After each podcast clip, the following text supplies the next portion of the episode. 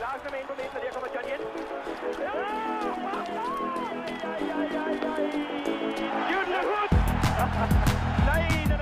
Som atlet, træner eller sundhedsbehandler er du uden tvivl løbet ind i underbenssmerter, som ofte forværres ved løbeaktivitet.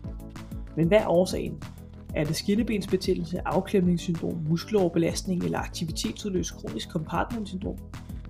I dag sætter vi fokus på sidstnævnte, det aktivitetsudløste kroniske compartmentsyndrom, AKK, som er den næsttypiske årsag til underbenssmerter hos idrætsudøvere. Det gør vi, da diagnosen er vanskelig, og fejldiagnostisering kan måske forklare et dårligt behandlingsrespons hos flere patienter, som ligger sig under kniven. Så lyt med i dag og bliv skarpere på at stille diagnosen, bliv opdateret på behandlingsmulighederne og find ud af, hvorfor dagens gæst, Simon Døssing, i forbindelse med et nyt forskningsprojekt i netop AKK, både er ved at gøre sig selv arbejdsløs og ved at tabe en kasse øl. Velkommen til Lyddukken.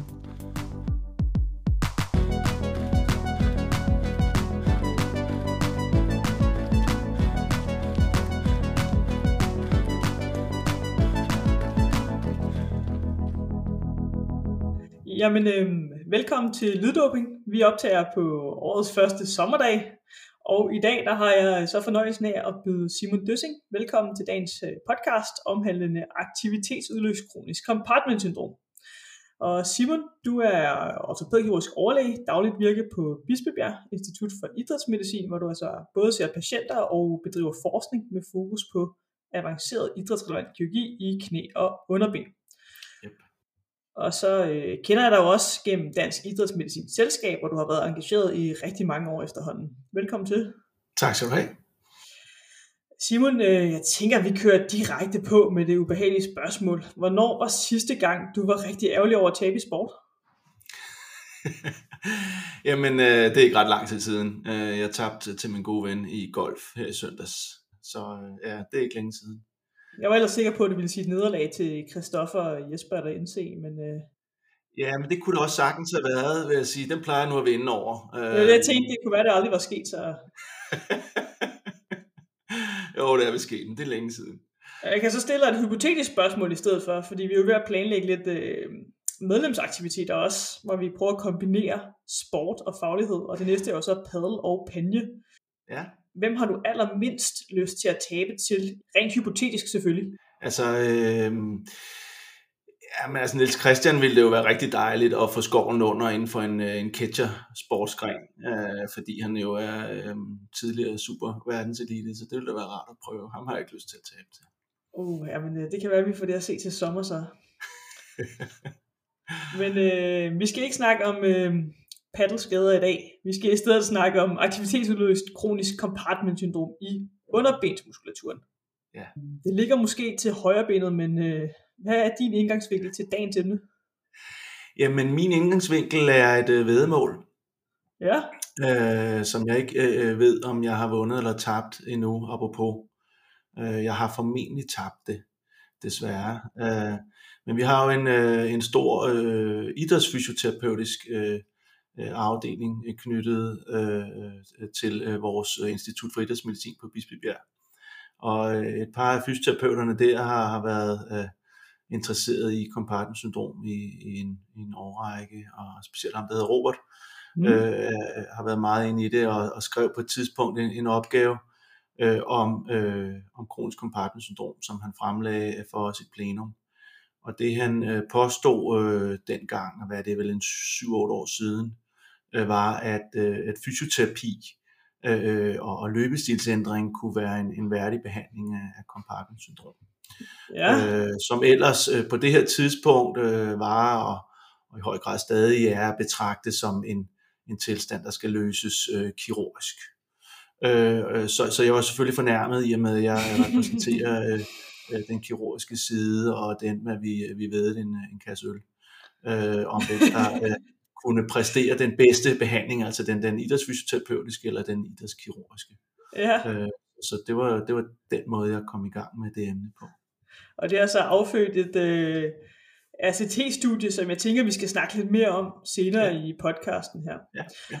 Men øh, jeg tænker også for nogle lytter, så ligger underbenets anatomi lidt langt væk. Så kan du måske lige helt kort opfriske relevant anatomi i underbenet, som er nødvendig for, at vi kan forstå, hvordan der kan opstå et øget muskellosetryk og altså kronisk compartment syndrom ved aktivitet. Ja, det, det, det vil være fint. Ved det, der er øh, sådan øh, lidt groft sagt fire øh, loger, øh, øh, og muskellogerne er forstået som sådan et lidt stramt bundet øh, bindevæv, øh, hvor muskulaturen ligger nede i. Mm. Øh, og øh, det er sådan, at når øh, almindelig skeletmuskulatur øh, skal til at præstere, øh, og skal, øh, så, så er man afhængig af øget øh, blodvolumen, blodtilførsel, og, og derved så, så øges øh, volumen i, af muskulaturen med sådan en 20-25 procent.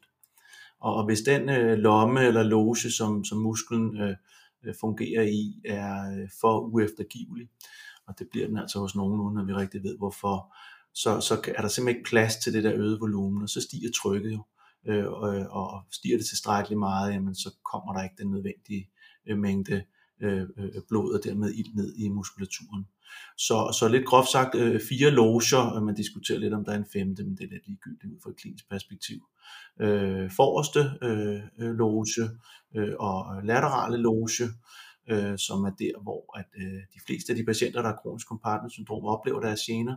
Og så er der på bagsiden en, en dyb bager og en øh, superficiel bagerloge. Øh, og så ligger der selvfølgelig inde i logerne ud over øh, muskulatur også nogle øh, blodkar og ikke mindst nogle nerver. Altså det er sådan lidt groft sagt øh, anatomien. Ja, og du er jo, er jo lidt inde på det allerede, men hvad er det så rent definitorisk, hvis vi får ligesom, defineret begrebet aktivitetsudløst kronisk compartment syndrom? Og hvad er det, der adskiller det fra det akutte compartment, som man måske har hørt om i forbindelse med traume? Ja, det er jo også super relevant. Øh, hvad, hvad hedder det? Øh, hvis vi tager den akutte compartment syndrom øh, først, så er det jo en tilstand, som vi ser øh, for eksempel i forbindelse med øh, fraktur af underbenet, mm. øh, hvor der kommer blødning ud i øh, muskellogen, øh, der gør, at trykket stiger. Øh, og det er en akut, øh, oftest øh, kirurgisk krævende problematik. Øh, og som sagt i relation til, til traumer og lige, hvor man bliver nødt til at gå ind og spalte loserne, sørge for, at der er tilstrækkelig afløb, og det skal gå relativt hurtigt, ellers så, så går muskulaturen simpelthen til. Man har altså nogle timer at køre på. Det er jo en klinisk diagnose. Så hvis man møder det på sin ortopædkirurgiske stuegang, en eller anden patient, der ligger og har sindssygt ondt og har brækket benet, eller for eksempel en, der er blevet opereret, hvor man ikke har spaltet loserne og efterfølgende øh, udvikler øh, meget, meget voldsomme smerter, så skal man sørge for at få dem ned på operationsgangen igen og spalte deres muskeloser. Øh, I skærende kontrast til det, er det som, som er emnet for i dag, altså det, det aktivitetsudløste kronisk compartment syndrom, som jo er øh, en tilstand, øh, øh, der øh, gradvist udvikles øh, under øh, belastning, øh, for eksempel løb, mm. og som, der, som vi snakker om, øh, øh, kan tilskrives en gradvis øh, øget øh, trykstigning. Og det der er, øh, det mener man i hvert fald er centralt i patologien, det er altså en ueftergivelig eller for ueftergivelig øh, muskelfascie, øh, Øh, der øh, ikke kan indeholde øh, øh den nødvendige muskelskråstreg blodvolumen under belastning. Og øh, det man oplever, det er sådan en, en øh, syren til en nedsat øh, muskelfunktion, der kommer som sagt gradvist under belastningen. Ja, fordi hvordan øh, præsenterer patienten sig med, med det her aktivitetsudløste kroniske compartment syndrom? Ja, men, men det, det er øh, altså øh, det er helt typisk øh, noget der kommer øh, lidt inde i et øh, muskelbelastende øh, træningspas. Mm. Helt klassiske øh, som, øh, som vi ser herinde, det er jo i, i underbenene, øh, forsiden af underbenene er hyppigt stramt. Øh, den klassiske patient vil have ondt efter øh, en, halvanden, to kilometers løb, ja. øh, og opleve, at øh, det er meget at sige, det gør ikke ondt fra starten af, men det kommer lige så stille og roligt i takt med, at, at øh, musklen får mere og mere øh, behov for, for mere ilt, øh, og så, så vil der være en tendens til det syre øh, til, øh, og, og i virkeligheden bliver værre og værre, indtil at aktiviteten øh, simpelthen må afbrydes, øh, typisk efter yderligere, hvad vi er, 1-2 km, øh, afhængig af hvor meget smerte og ubehag man er, man er parat til at acceptere. Øh, og så vil man jo typisk stoppe sin løbetur, og så, så aftager symptomerne øh, ret hurtigt øh, derefter. Det er altså inden for nogle minutter de helt primære symptomer. Øh, og så kan der godt være lidt rest tilbage i, i øh, halve til hele timer. Øh, ja, det vil være det helt klassiske billede. Hvem rammes typisk af det? Det er unge mennesker. Ja, Øh, og det vi øh, ser herude er patienter i 20'erne, øh, helt typisk. Øh, vi har også faktisk, synes jeg, flere og flere øh, i, nede i teenageårene. Øh, Ja. Helt ned til sådan en øh, 12, 13, 14, 15 år, øh, der udvikler det.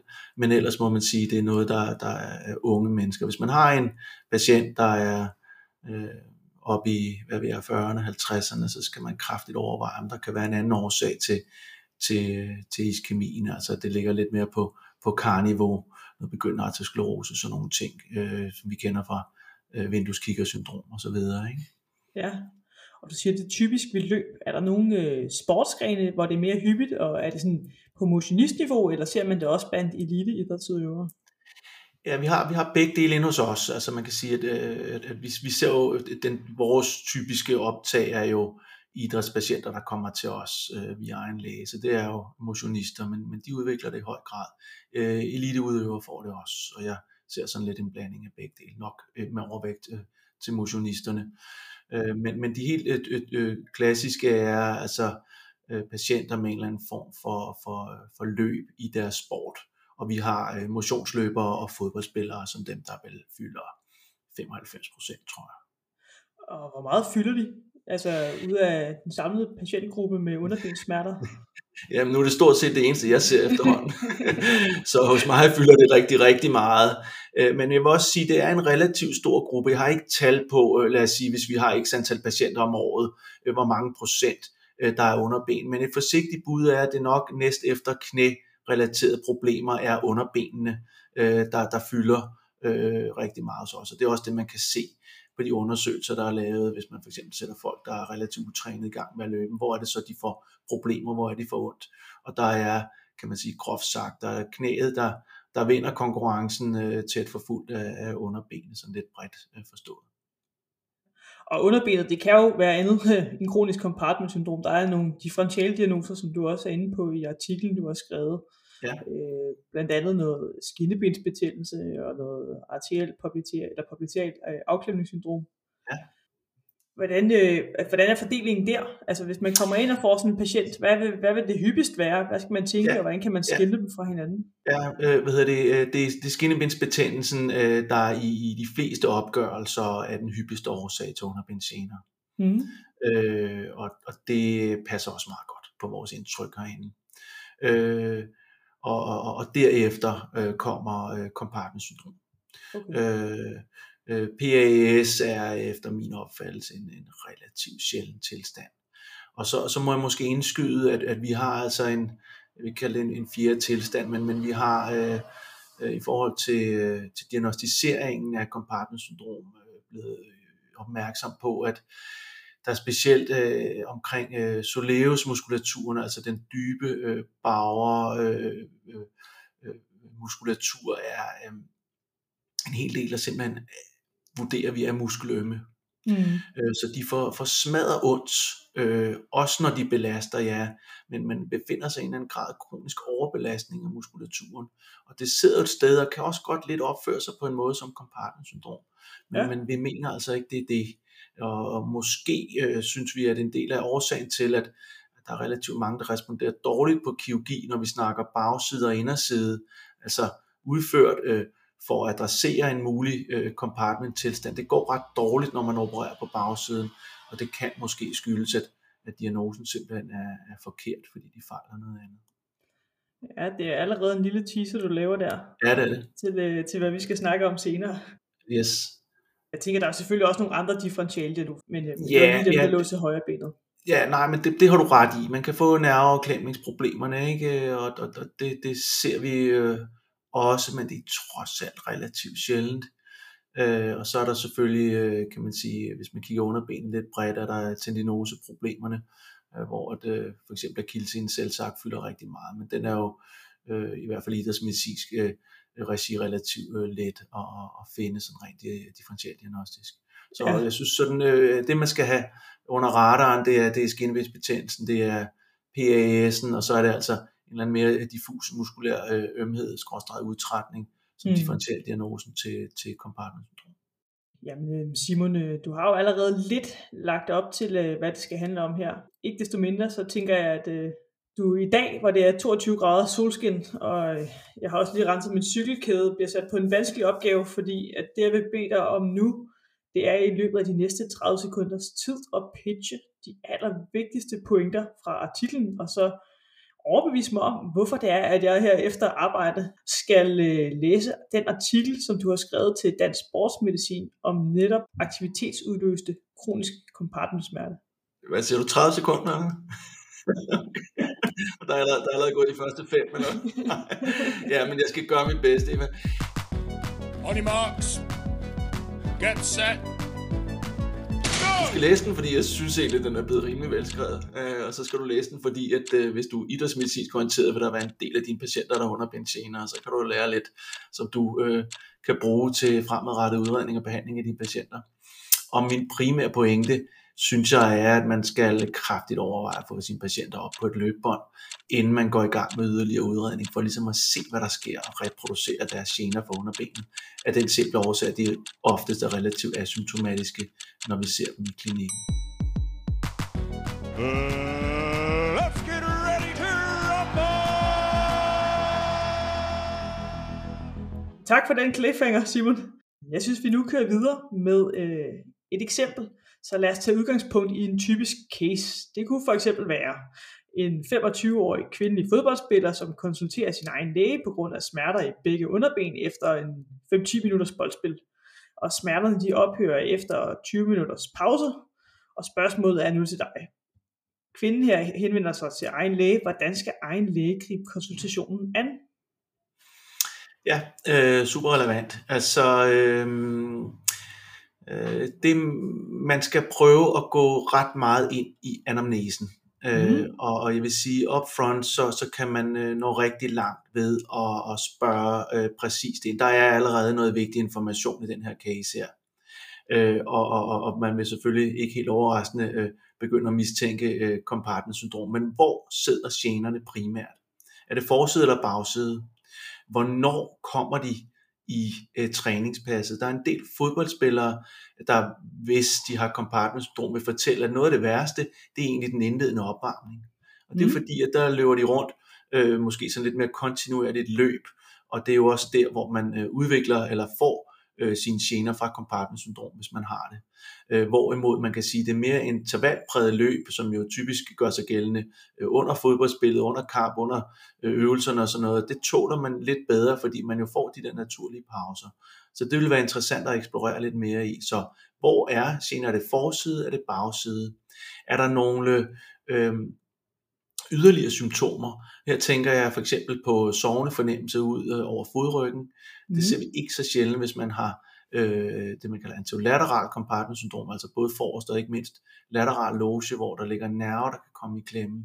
Så vil det også være interessant. Noget andet, som jeg synes vil være spændende at høre om, det er, om hun nogle gange oplever, at hun faktisk kan løbe igennem smerterne. Ja. At det er ligesom om, at ja, det gjorde ondt en periode, og så bliver det ikke rigtig værre. Og faktisk, hvis hun så for eksempel forsøger motionsløb, kan hun nogle gange løbe 5, 6, 7 km. Kan de det? Og det er der ikke så få af mine patienter, øh, som vi er, hvor vi tænker, kunne det være compartment syndrom, der fortæller, at de kan, så må man kraftigt overveje, om de fejler noget helt andet. For eksempel sådan noget, det jeg fortalte om, om sådan noget mere øh, muskelpræget soleus ømhed, som altså er en muskulær, gradvis muskulær overbelastning i højere grad end compartment syndrom. Mm. Ja. Øh, nu siger du ændret følesans. Hvad med kraften? Er den påvirket? Er der en PFR kølig fod? Eller kan man ja. på en eller anden måde øh, lave nogle test, øh, hvor man yeah. undersøger musklen? Ja, det kan man i høj grad. Man kan sige, så bevæger vi os lidt mere over i det, i det objektive, altså forbi det anamnestiske. Ikke? Men, men der ville, øh, som jeg nævnte, øh, mit, mit første, det jeg gør, jeg, vi har dem selvfølgelig op på briksen, når de kommer herind, efter at have snakket med dem, altså indledningsvis øh, øh, Øh, på Bispebjerg Hospital.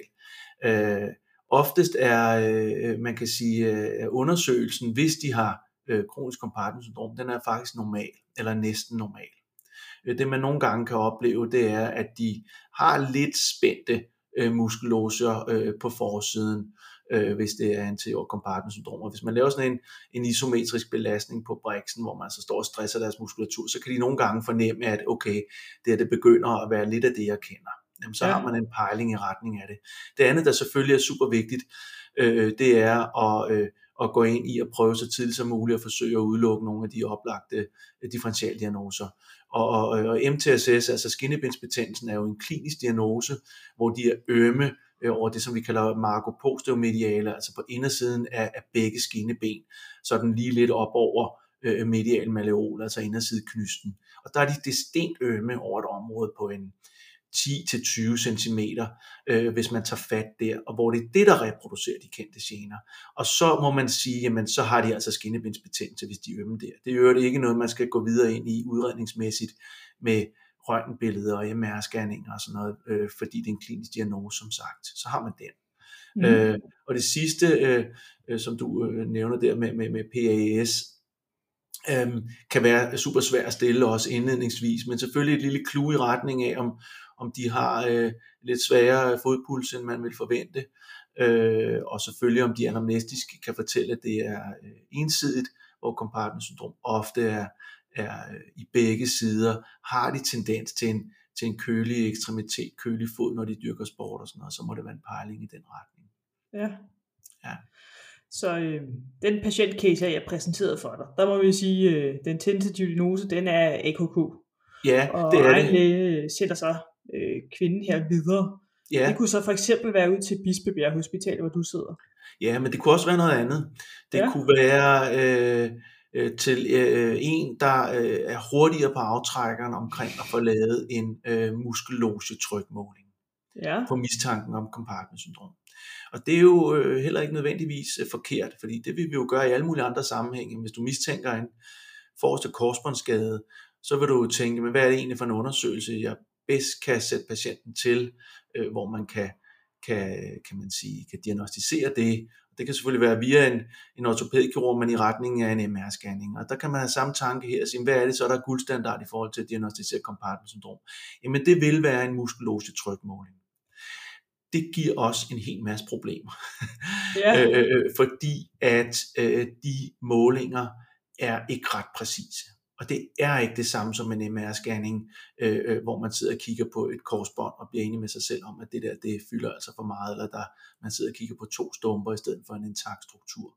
Der er en masse fortolkningsmuligheder, og der er en masse omkring den måde, den undersøgelse bliver lavet på forskellige steder, der gør, at de er præget af betydelig usikkerhed.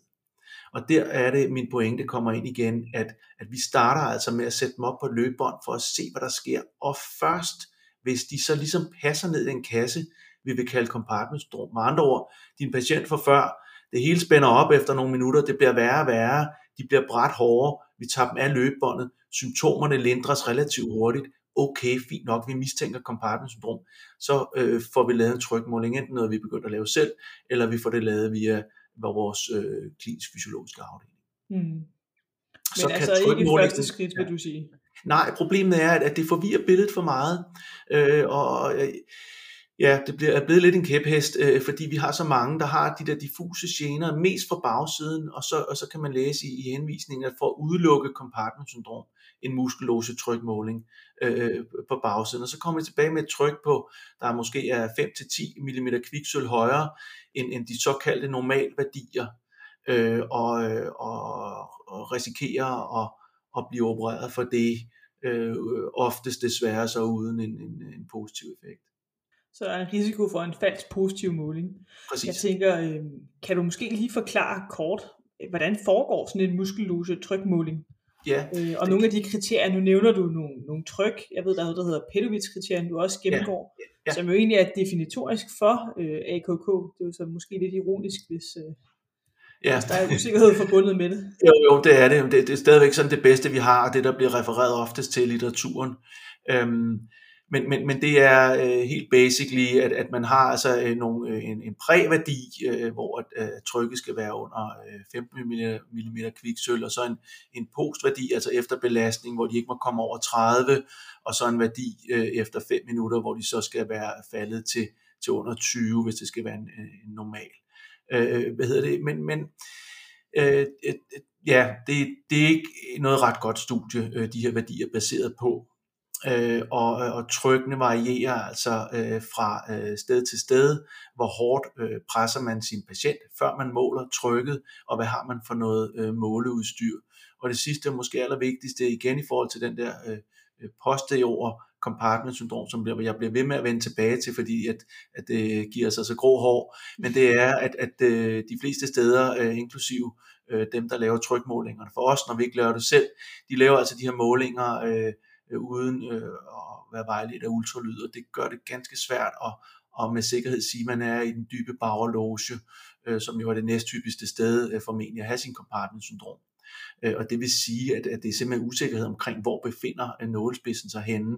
Det viser meget godt øh, på et studie, hvor man kunne se, at det var omkring 20%, hvor man simpelthen måler et helt andet sted, end der man tror, man måler. Så med andre ord, som du ganske rigtigt siger, en, en kæmpe risiko, synes vi, for, for falsk positive målinger. Ja.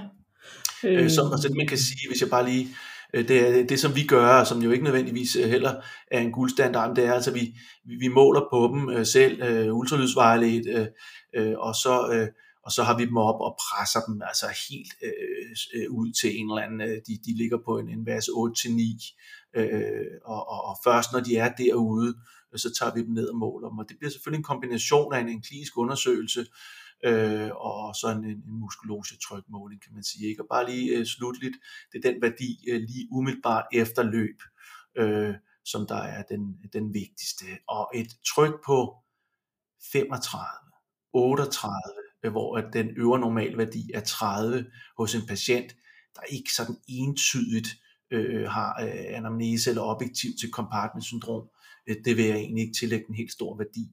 Et tryk på, lad os sige, over 40, over 45, 50, nogle gange op imod 100, som vi nogle okay. gange ser, når vi får presset vores patienter rigtig hårdt hos en patient, hvor pengene passer, anamnesen passer ret godt på compartment syndrom, det objektive indtryk passer godt på compartment syndrom, jamen der tillægger vi det værdi. Det er jo også der, hvor de synes, jeg responderer godt på kirurgi for eksempel. Ja, Øh, og ja, kan du beskrive lidt mere rent lavpraktisk? Altså nu siger du, det er ultralydsvejligt. I ja. har en nål i stykker ind i musklen. Ja. Jamen vi har øh, noget, noget rigtig fint udstyr. Øh, vi har igen, jeg gør det her i samarbejde med, med øh, vores idrætsfysioterapeuter. Øh, øh, vil jeg sige, at værdien af sådan et tværfagligt samarbejde, ikke mindst i, i den her henseende, er kæmpestort. Øh, så, så de er en meget, meget stor del af det. Øh, men det vi gør, det er, at vi øh, for det første har vi dem ofte op på løbebåndet øh, i en selvstændig seance.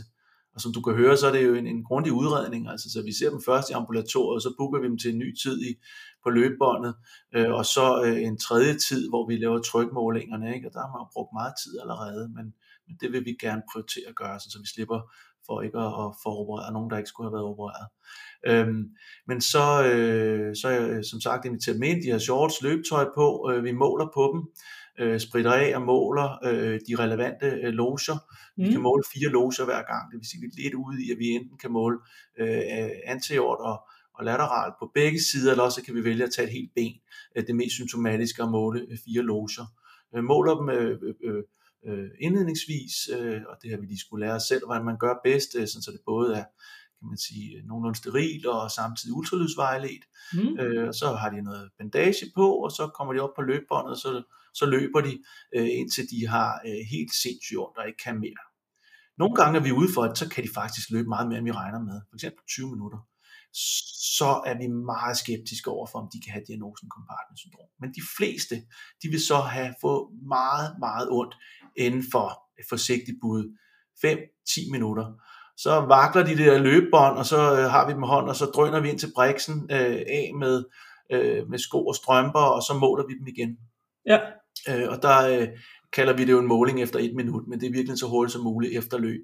Ja. Øh, og så måler vi på dem igen efter cirka 5 minutter. Og det er sådan en, en relativt simpel, det er sådan en, en manometer, altså en, en, en trykmåler, som vi kan digitalt, som vi kan sætte ud for enden af en 10 ml sprøjte, og som vi kan bruge igen og igen. Så, så det er rigtig fint. Men øh, noget af et setup, øh, der kræver ja. noget både af jer og af patienten. Ja, og ikke mindst af, af, man kan sige, at klinikken har, ikke? At, at, øh, at vi prioriterer, som du kan høre, at bruge øh, ret lang tid øh, på hver af de her patienter her, inden vi beslutter os for, hvad der skal ske med dem. Det er jo ikke et setup, som man nødvendigvis har øh, andre steder. Hvad er der nogle alternative øh, diagnostiske redskaber, man kan bruge? Jeg ved i artiklen, der nævner du for eksempel NIRS, altså det her Near Infrared Spectroscopy. Er, Ja, ja øh, altså har det, det, det, noget, at- er det relevant? Ja, altså ikke endnu, øh, vil jeg sige. Øh, Vi har haft udstyret ude at prøve det, og, øh, og det bliver lidt bøvlet. For det første skal det være øh, uden ledning, og der sker et eller andet med senderen øh, til enheden, der det bliver altså lidt usikkert. Øh, Problemet kan være, hvis de har sådan nogle, kan du forestille dig, ledninger øh, omkring benene, at de skal have en, en probe siddende over den relevante muskel. Ikke? Nias er jo i virkeligheden bare en saturationsmåler, øh, der går lidt dybere end den, du kender fra, fra, fra fingeren i klinisk sammenhæng. Ikke? Mm. Så, så vi vil måle ildsaturationen i musklen, og tanken er jo god, fordi man kan sige, det er jo, det er jo ligesom, man kan sige, trykket er jo okay, men, men, men i virkeligheden, så er det jo saturationen, der, der virkelig, virkelig er interessant. Ikke? Øh, og, øh, men, men vi har ikke kunne få det til at virke i vores hænder, og, og der er øh, en, en del artikler, hvor man har kunne se, at der er en, en, en association imellem højt tryk og lav øh, iltension målt med NIRS. Men de konkluderer altså også ud for, for, et, for et klinisk perspektiv, altså at bruge det til at stille diagnosen, der er det for upræcist, og det, det er faktisk også vores indtryk. Så gør vi også det, at vi måler øh, ultrasonografisk øh, på, øh, på tykkelsen af, af den forreste muskulose. Det gør vi i projektsammenhæng, og kan se, at den, den udvider sig. Øh, den bliver sådan, er nærmest helt rund. Øh, og det kan måske også have noget værdi. Man kan sige, det er sådan en lille smule non-intuitivt, at, at hvis den udvider sig rigtig meget, jamen så bør man jo ikke have compartment-syndrom. Det ser altså ud som om, at dem, der får den her kæmpe store trykstigning, de er altså også, der kan man se, at, at, at, øh, at, øh, at selve muskulosen, den altså også udvider sig temmelig meget øh, undervejs. Så det er nok de bedste bud. Øh, og hvis du spørger mig, hvad jeg vil vælge, om det vil Mhm. være en trykmåling øh, øh, udført af øh, ja, et eller andet sted, hvor, hvor man, man byder ind på den opgave, eller, eller det er at sætte patienten op på et løbebånd og se, hvad der sker, så vil jeg øh, altid vælge den sidste løsning, hvis jeg, hvis jeg kun måtte det i forhold til at videreudrede patienterne. Ja. Skal vi så ikke gå videre, hvad vil jeg sige, med vores øh, idrætsudøvere? Jo, Men mindre du har et eller andet, du tænker, jeg mangler at spørge her i forhold til øh, metoderne, noget du gerne vil uddybe. Nej, altså MR øh, bruger vi ikke ret meget, øh, for nu at tage den med. Øh, Det er jo ellers tit, at, at man kan sige, at det kan være smart, hvis man ikke lige ved, hvad der foregår sådan et underben. Ja. Jeg synes, det er utrolig sjældent, at det bringer noget med sig, øh, øh, som vi ikke kan se. Øh, altså en almindelig ultralydsscanning selvfølgelig også, men igen, øh, øh, medmindre man laver det under øh, som det jeg nævnt her, så, så, så vil en ultralyd af muskulatur, du kan ikke se compartment syndrom. Nej, nej. Øh, og MR, jo jo selvfølgelig, hvis du mistænker noget helt andet, hvad vi har en stressfraktur eller noget andet, så kan det have sin berettigelse. Men mere Øh, differential diagnostisk i virkeligheden. Præcis, fuldstændig rigtigt. Ja. Men øh, hvis vi så tager vores øh, kvindelige fodboldspiller fra før, som så har været inde og lave den her øh, muskellosetrykmåling inde på Bispebjerg, Ja. og kommer ud med et, øh, et trykmål på, skal vi sige, 50 mm kviksøl Ja. i øh, den anterolaterale muskellose. Ja. Med forbehold for, at der selvfølgelig, som du har været inde på, er en diagnostisk usikkerhed, så ligger vi stadigvæk ved et tryk 20 mm kviksøl over, hvad du sagde var grænsen for, for det normale. Ja, Ifølge så, de her Petovic kriterier, ikke? ja, så, så den er god nok, specielt hvis hun altså stadigvæk lige øh, resten passer os med det, ikke? Yes, det, hun kunne ikke løbe mere end 5 minutter. Ej, den er i orden. Den køber jeg. Hvad er der så af behandlingsmuligheder nu? Og jeg tænker både på, hvad har man tidligere gjort, og hvordan ville du gribe det an ude på Bispebjerg? Ja, men øh, det vi jo øh, har, øh, har startet for, det er jo nogle år tilbage efterhånden, øh, det går ikke altid så hurtigt, som man kunne ønske sig, men det er jo et, et, et RCT-studie, øh, jeg tror du nævnte, som var en direkte konsekvens af det der øh, vedmål øh, over en kasse øl. Øh, vi blev nødt til at finde ud af, hvem der havde ret. Øh, og, og det vi øh, så valgte at gøre, det var at, at, at lave design, hvor at, øh, vi slår plat eller krone, øh, og, om hvorvidt patienterne skal underlægges øh, det fysioterapeutiske regime, hvor det helt primære er ændring i løbestil. Jeg skal lige skynde mig at sige, at det her det er altså patienter, der har ondt på forsiden. Mm. Øh, så en klassisk anamnese, øh, og, øh, der tyder på anterolateral compartment syndrom, øh, de syr til på forsiden, som sagt, og eventuelt, hvor man har haft dem op på et løbebånd, øh, og se, at, at pengene passer. Det er der, de får ondt.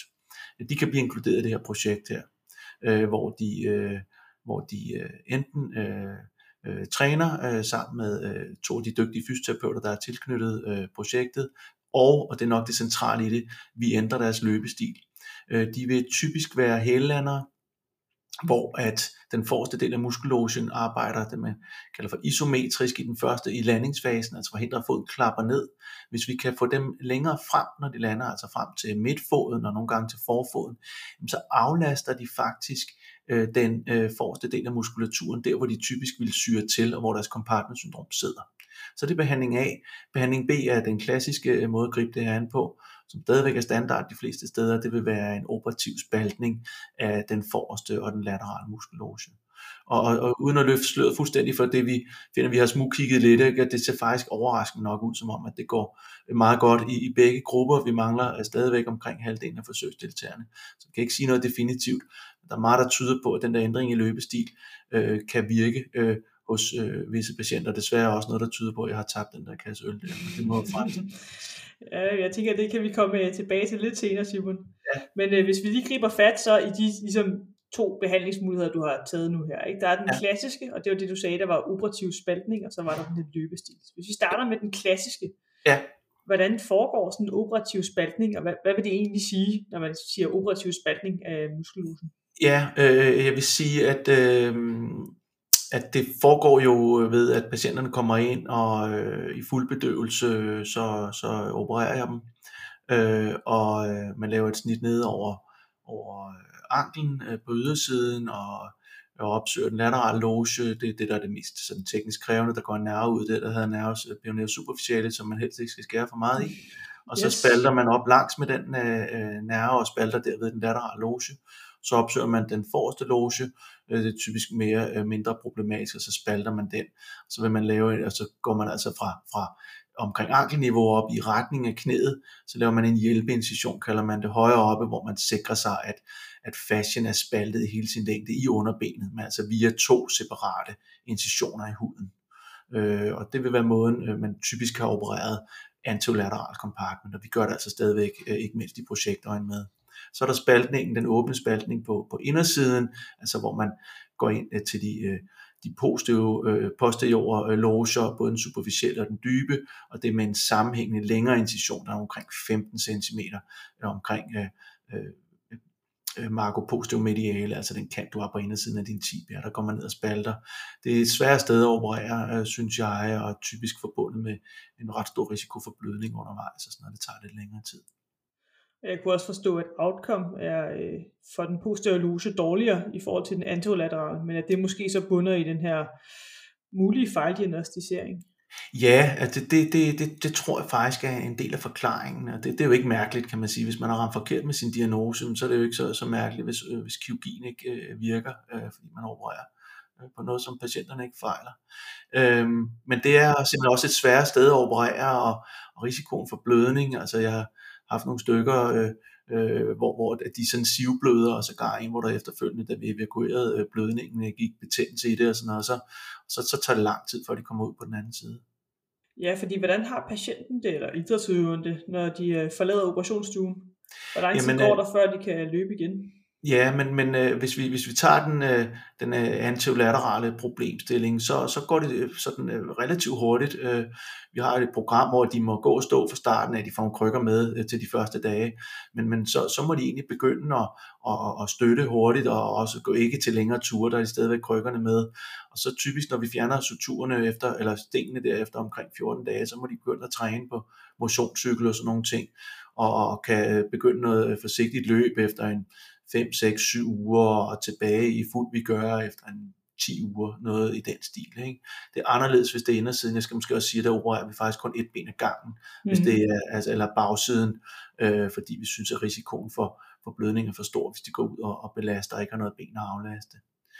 Øh, hvis jeg må komme med en lille indskydelse også, så er vi øh, begyndt som noget lidt nyt at operere øh, de øh, isolerede, øh, eller operere på forsiden, altså ja. Ja. de antilaterale med en, en lidt mindre invasiv øh, øh, metode, øh, hvor vi øh, for det første øh, kun øh, øh, laver fasciotomi på den forreste muskelloge, hvilket er vist øh, i udenlandske undersøgelser er tilstrækkeligt, altså på trods af, at, at trykket faktisk er forhøjet i den laterale loge også, så virker det som om, at det hos rigtig mange, i hvert fald 9 ud af 10, øh, er, er, øh, er tilstrækkeligt at, at lave spaltning af den forreste loge, så gør vi det ved hjælp af et artroskop. Så jeg laver en lille incision i huden og, og går ind med skopet og sådan en, et instrument, man kalder for en smiley-kniv, øh, og, og spalter den forreste loge, og de øh, har altså et, et mindre øh, hul i huden, kan man sige, der skal vokse sammen og kommer hurtigere ud, og dem har vi faktisk ude og, og belaste øh, sådan for alvor efter en måned, det kan de godt klare. Så, så det kan være, det er, er noget af fremtiden øh, operativ, i forhold til en operativ behandling.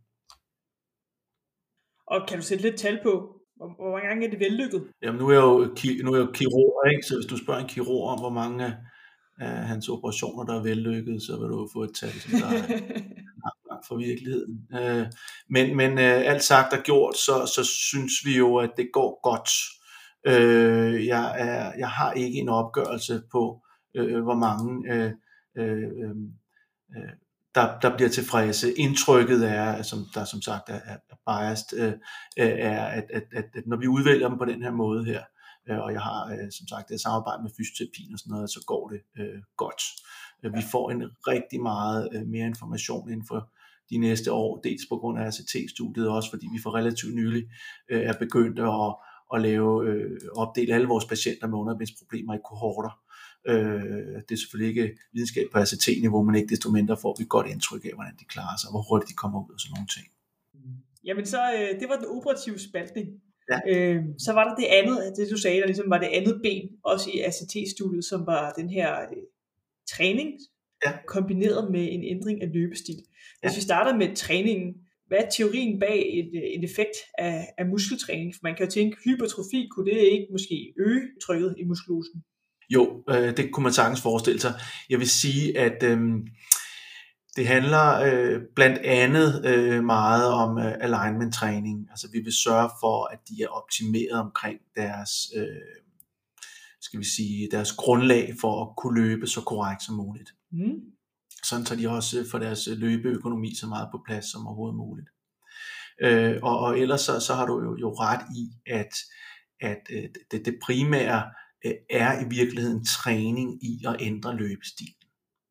Øh, øh, og, og kan vi dem, så kan man simpelthen argumentere for, at man løber rundt om problemet. Alt det sagt og gjort, så er der altså en hel del, der øh, har øh, øh, en muskulatur, der har været påvirket med, med smerter på grund af deres compartment-syndrom i jo adskillige år, Mm. øh, og hvor en øh, struktureret, kan man sige, smertefri genoptræning er med til at give dem, synes vi, øh, noget styrke og noget, noget, noget bedre øh, funktionalitet. Så kombinationen af de to, altså noget, skal vi sige, sådan lidt groft sagt, klassisk fysioterapi, fokus på alignment, styrketræning med gradvis progression, altså ikke mindst over underbenets muskulatur osv., sammen med en ændring af løbestil, som de jo bliver trænet i. De kommer op på løbebåndet, vi har en metronom, de skal op i kadence, de skal lære at læne sig forover, øh, og så videre, så skal de selvfølgelig ekstrapolere det til deres almindelige øh, løbetur, øh, øh, når de kommer hjem og sådan nogle ting. Vi får dem op igen, tjekker, at de går fra at være hælelandere til at være midtfodslandere og sådan nogle ting. Så det er, kan man sige, hjørnestenen i den konservative behandling. Og måske skulle jeg lige sige, at, at det, er jo, øh, det er jo ikke øh, alle, der kan de her ting her, øh, hverken patienterne og heller ikke øh, fysioterapeuterne, så det er jo noget, som, som de har øvet sig i og, og mester nu på, på ekspertniveau. Og man ved jo sådan set heller ikke, hvor mange patienter, der er i stand til at lave om på deres løbestil. Altså det vil der være, formentlig være nogen, der, der kan, og også andre, der simpelthen ikke kan, øh, øh hvor at der så må være anden behandling herunder, for eksempel operation, der, der, bliver, der bliver valgt til dem. Ikke? Ja, altså man kan sige, at i forhold til, hvor man lander, så langt de fleste, når de kommer op i noget, øh, et vist tempo, så er vi langt størstedelen jo lande. Man vil ikke sige forfoden, men midtfod. Ja, det er rigtigt. Øh, Løbetempoet er, er, er super vigtigt, ikke? Ja. Øhm, men, men igen, hvis vi er tilbage til, til motionsløberen, Ja. øh, med, så lad os sige, kilometertider på hvad, 5 eller et eller andet den stil, så, så vil i hvert fald dem, vi ser herinde, øh, det er jo selvfølgelig selekteret materiale, men, men de vil oftere være hellandere. Øh, øh, sådan ser jeg det i hvert fald.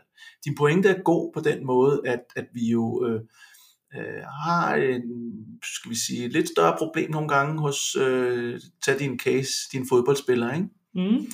Fordi hvordan ændrer man løbestil hos en fodboldspiller? Øh, hvis de nu har deres primære problemer øh, på banen, når de spiller. Jamen, altså, der er en bold, der er et eller andet, der skal nås. Det er det ene. Det næste er, at der, der løber du jo, vækster du jo ret tit imellem ikke at løbe ret meget, så løbe øh, rigtig, rigtig hurtigt. Og der øh, må vi jo nok formentlig på et tidspunkt komme til at konstatere, at den her ændring i løbestil nok er en bedre behandlingsform til, til den øh, motionist, der godt kan lide at, at løbe nogle ture og gerne vil øge sin løbelængde i højere grad måske end, end den patient, der har sin compartment-syndrom på baggrund af et boldspil. Og så vil også øh, målrette den patient, som har øh, compartment-syndrom i forreste loge, for jeg tænker, hvis Korrekt. det er første loge, er det vel mindre relevant, i hvert fald ud for ja, øh, den patofysiologi, som I tænker er, er bevæggrund for, for øh, interventionen. Fuldstændig korrekt. Man kunne ikke tænke sig, at der var en effekt simpelthen bare af træningen i sig selv, altså en øget kapillarisering, eller hvis man har ved ikke, noget arvæv efter øh, mikrotraumer over mange år. Jeg tror det faktisk ikke.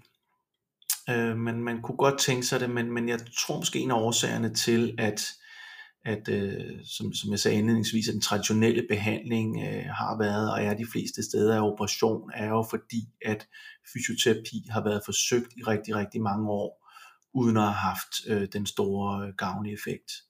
Så, så jeg vil tro, at hvis, hvis man uden at ændre løbestil, men helt simpelt ved at, lad os sige, det som vi jo gør i alle mulige andre sammenhæng, give ved en, en chance for at komme op til overfladen, og så en eller anden form for, for gradvis kontrolleret øh, træning, og selvfølgelig ultimativt retur til den skadeudløsende aktivitet. Hvis det var opskriften, så, øh, så tror jeg, vi havde fundet ud af det.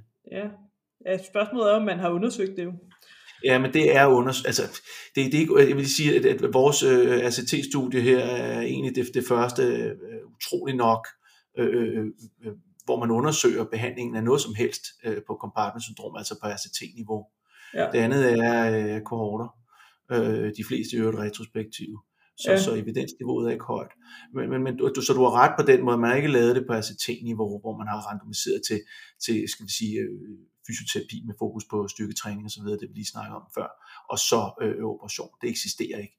Men et forsigtigt bud er bare, at, at, at det, det har trods alt har været på banen så længe, at, at man nok havde fundet det. Det næste er, at der er jo rigtig, rigtig mange af dem, jeg får ind, øh, der har været igennem et fysioterapiforløb. Igen, måske mere eller mindre struktureret med højere, lavere compliance, ja, og igen, jeg ser en selekteret gruppe patienter, jeg tror bare ikke rigtigt, det virker så godt øh, lige præcis til compartment syndrom. Nej. Ja, hvis vi lige skal runde øh, netop behandlingsmulighederne af. Noget andet, der også ofte kommer op, det er behandling med Botox, altså botulinumtoxin, Ja. som er jo øh, ja, i den helt anden boldgade i forhold til øh, træning og løbestilsanalyse. Hvad er der af litteratur på det område? Fordi man kan sige, øh, Trækker lidt på den. ja, ja, men der er noget litteratur. Øh, der, er, der, er, der er lavet nogle, øh, nogle, nogle øh, kohortestudier, små kohorter, øh, Ja. der har kunne vise, at, at det har en effekt på smerten. Øh, og, og man har også kunne se, at de øh, bliver sværere bag, bagefter behandling, hvilket jo ikke er særlig overraskende, øh, men, men, men i virkeligheden havde en acceptabel øh, løbedistance. Jeg vil sige, at øh, det er ikke noget, øh, vi bruger på Bispebjerg Hospital. Jeg har nogle øh, kollegaer, der, der bruger det, øh, og øh, jeg har sågar også øh, henvist øh, et par patienter til dem, øh, som jeg ikke kunne få videre, og også nogen, der har haft en, en gavnlig effekt. Jeg vil sige, ja, så hvis man kigger sådan patofysiologisk, så det at, øh, at lamme øh, en afficeret muskel øh, øh, i en periode, jeg ved sgu ikke rigtigt, om, om jeg tror på, at det er en, en langvarig øh, gavnlig effekt, øh, det, for at være helt ærlig. Øh, Og igen, øh, der mangler fuldstændig evidens øh, øh, på, på, på, på et højt niveau øh, på det her også. ja. ja, vi kan lige sige, at Botox det går ind og blokerer frigørelsen af acetylcholin i den neuromuskulære synapse, så der kommer simpelthen ikke noget signal fra muserneuronet ud til muskelfiberen, og derfor så får man jo så en, ja, en paralyse, kan man sige, og Ja. ja. som du siger, musklen atrofierer. Hvis man har en idrætsudøver, kan man jo så selv vurdere, om man synes, det er en, en, en god løsning. Men, øh, men vi har været inde over RCT-studiet, Ja, ja, det har vi. Ja, jeg har øh, taget forskud på glæderne. øh, og du har også lidt løftet sløret Ja. for de forløbige resultater. Ja, det var lidt tavligt, det fik jeg sagt lidt om. Ikke? Jeg, jeg, måske skulle jeg lige sige, at vi stadigvæk øh, mangler patienter. Jeg var lige ved at spørge, I søger Ja. stadigvæk forsøgspersoner? Ja, ja, så, så, så hvis der sidder nogen, der hører det her, som der har patienter, der, hvor der meget tyder på, øh, på anterolateral compartment syndrom, øh, med alt det, som, som vi har snakket om her, øh, der hører til det, så må de meget gerne sende dem i retning af mig. øh, på Institut for Idrætsmedicin på Bispebjerg Hospital. Så skal jeg nok som minimum tage dem ind og snakke med dem, og hvis de kan være med, og vi kan bruge dem til noget, så er det fint, og ellers så skal vi nok behandle dem ordentligt alligevel.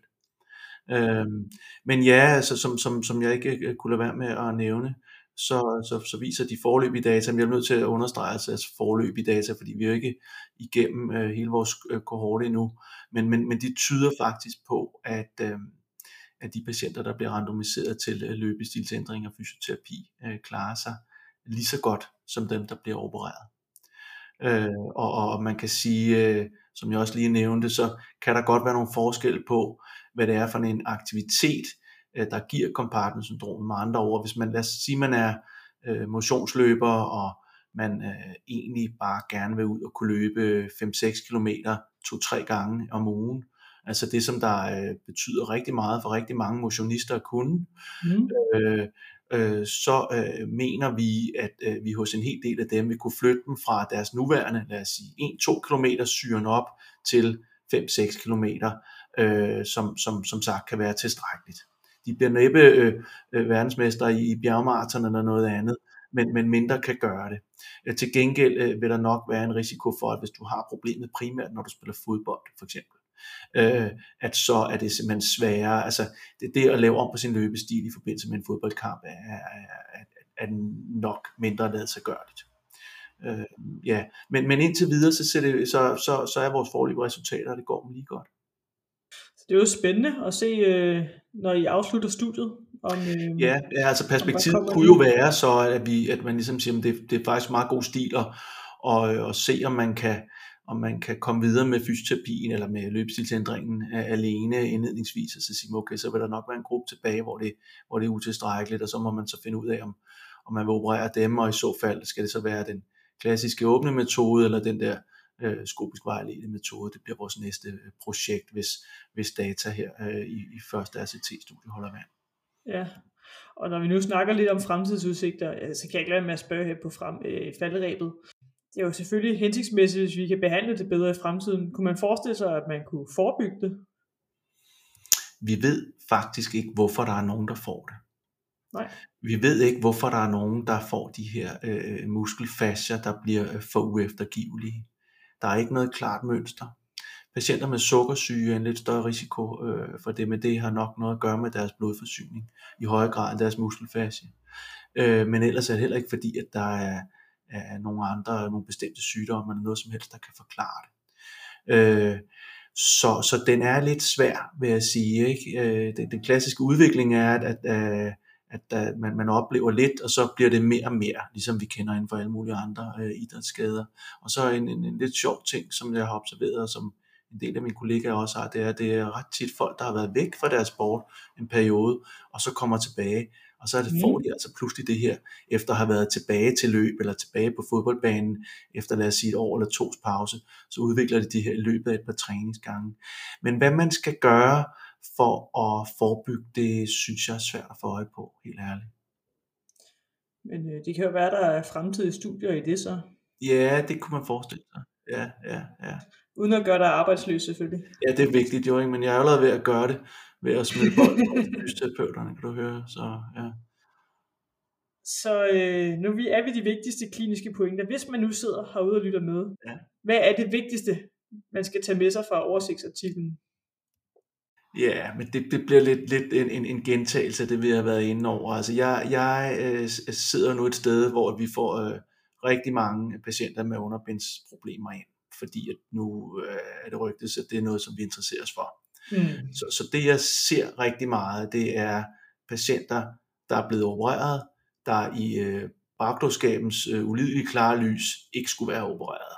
Det, det er jo et nemt sted at befinde sig, hvor man kan sige, at der er nogle kollegaer, der har vurderet, at de fejlede det og det, og, og, og fornuftigt nok, eller hvad man nu skal sige, har, har valgt at operere, så er det ikke virket. Og så, kan man, øh, så er det enormt nemt at sidde som, som øh, ekspert og sige, at øh, de skulle ikke have været opereret. Nej, nej, det kan alle jo sige sig selv. Selvfølgelig skulle de ikke det. Men ikke desto mindre er der efter min opfattelse for mange, der bliver opereret på forløste grundlag af alle de årsager, vi har snakket om her, og specielt dem, der har været opsøget for Bauer compartment syndrom, med eller uden en tryk måling, der har været lidt for højt. Mm. Så det, de vil være rigtig rare og, øh, og, og, og få reduceret det antal, øh, fordi det er jo selvfølgelig synd for patienterne og ressourcespil og hvad ved jeg. Jeg tænker nu, hvor vi snakker om ressourcespild, hvis du nu blev øh, udnævnt som øh, sportsminister, hvilke tiltag vil du så implementere? Altså sådan øh, helt generelt? Eller Helt inden for, generelt, der er ja. frit lejde. Ja, så vil jeg sige, at øh, de evidensbaserede behandlinger skulle prioriteres, og de behandlinger, der ikke er øh, evidens for, øh, skulle nedprioriteres, og jeg vil måske oven i købet stemme ja til en lov, der gjorde det lovpligtigt, at før man begyndte at introducere ny behandling, om det så er en eller anden form for fysioterapi, shockwave, operation, what have you, så var det på baggrund af noget god, sund evidens. Ellers så skulle det simpelthen efter min opfattelse være ulovligt, og i hvert fald ikke noget, der skulle have nogen form for statsstøtte. Kort, kontant, og så må vi jo håbe, at dit RCT-studie så kan øh, formidle... Hvad tror du vil sige, så må du at blive sport, sportsminister. Ej, tak for det, Simon. Jamen, det var så lidt.